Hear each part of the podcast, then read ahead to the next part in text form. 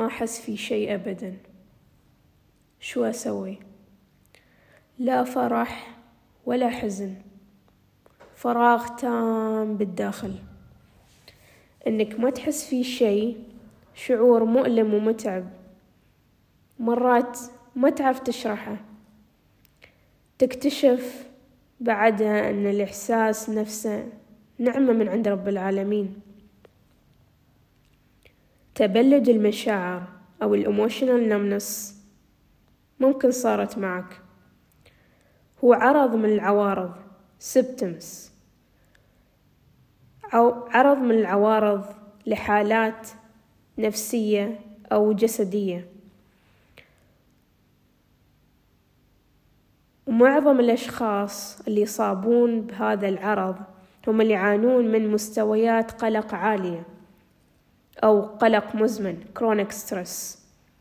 وأيضا اللي يأخذون مضادات الاكتئاب الأنتي ديبرسنس إضافة لذلك الناس اللي يعانون من الاضطراب توتر ما بعد الصدمة. PTSD زين هني شو سببه؟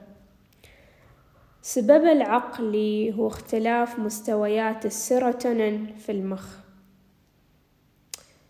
بس ليش هذا العارض يظهر على شكل تبلد تام أو شعور بلا شعور؟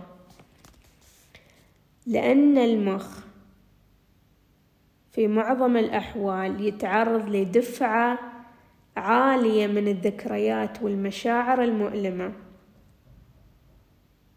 وفيها يسوي شداون للمشاعر. وتظهر على شكل تبلد تام أو إنك ما تحس في شيء.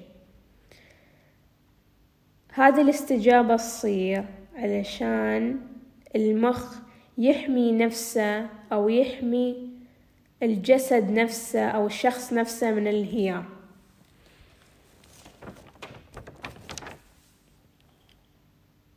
متعب فعلا إنك ما تعرف تشرحه. ومريح إنك تحصل حد فاهم شو تحس فيه. بين فترة وفترة راح تحس بهذا الشعور. لا تستعجل عليه إنه يروح لكن أعطيه وقته. وهذه الفترة بإذن الله بتمر. اكتب شو يالس يصير داخلك. فرغ في ورقة. افهم انها فترة وبس. تكلم مع حد فاهم وعنده مثل هذه التجربة وتعامل معاها. إنك تستعيل الشعور هذا وتضغط عليه عشان يروح هذا راح يزيد الأمر سوء. إذا كنت تحس بهذا كل يوم وامتد لفترة طويلة جدا أو يوميا أنصحك أنك تستشير طبيب نفسي أو معالج علشان تعرف تتعامل مع الوضع من أوله قبل لا يتفاقم.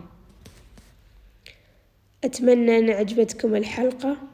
دمتم بخير وسلام.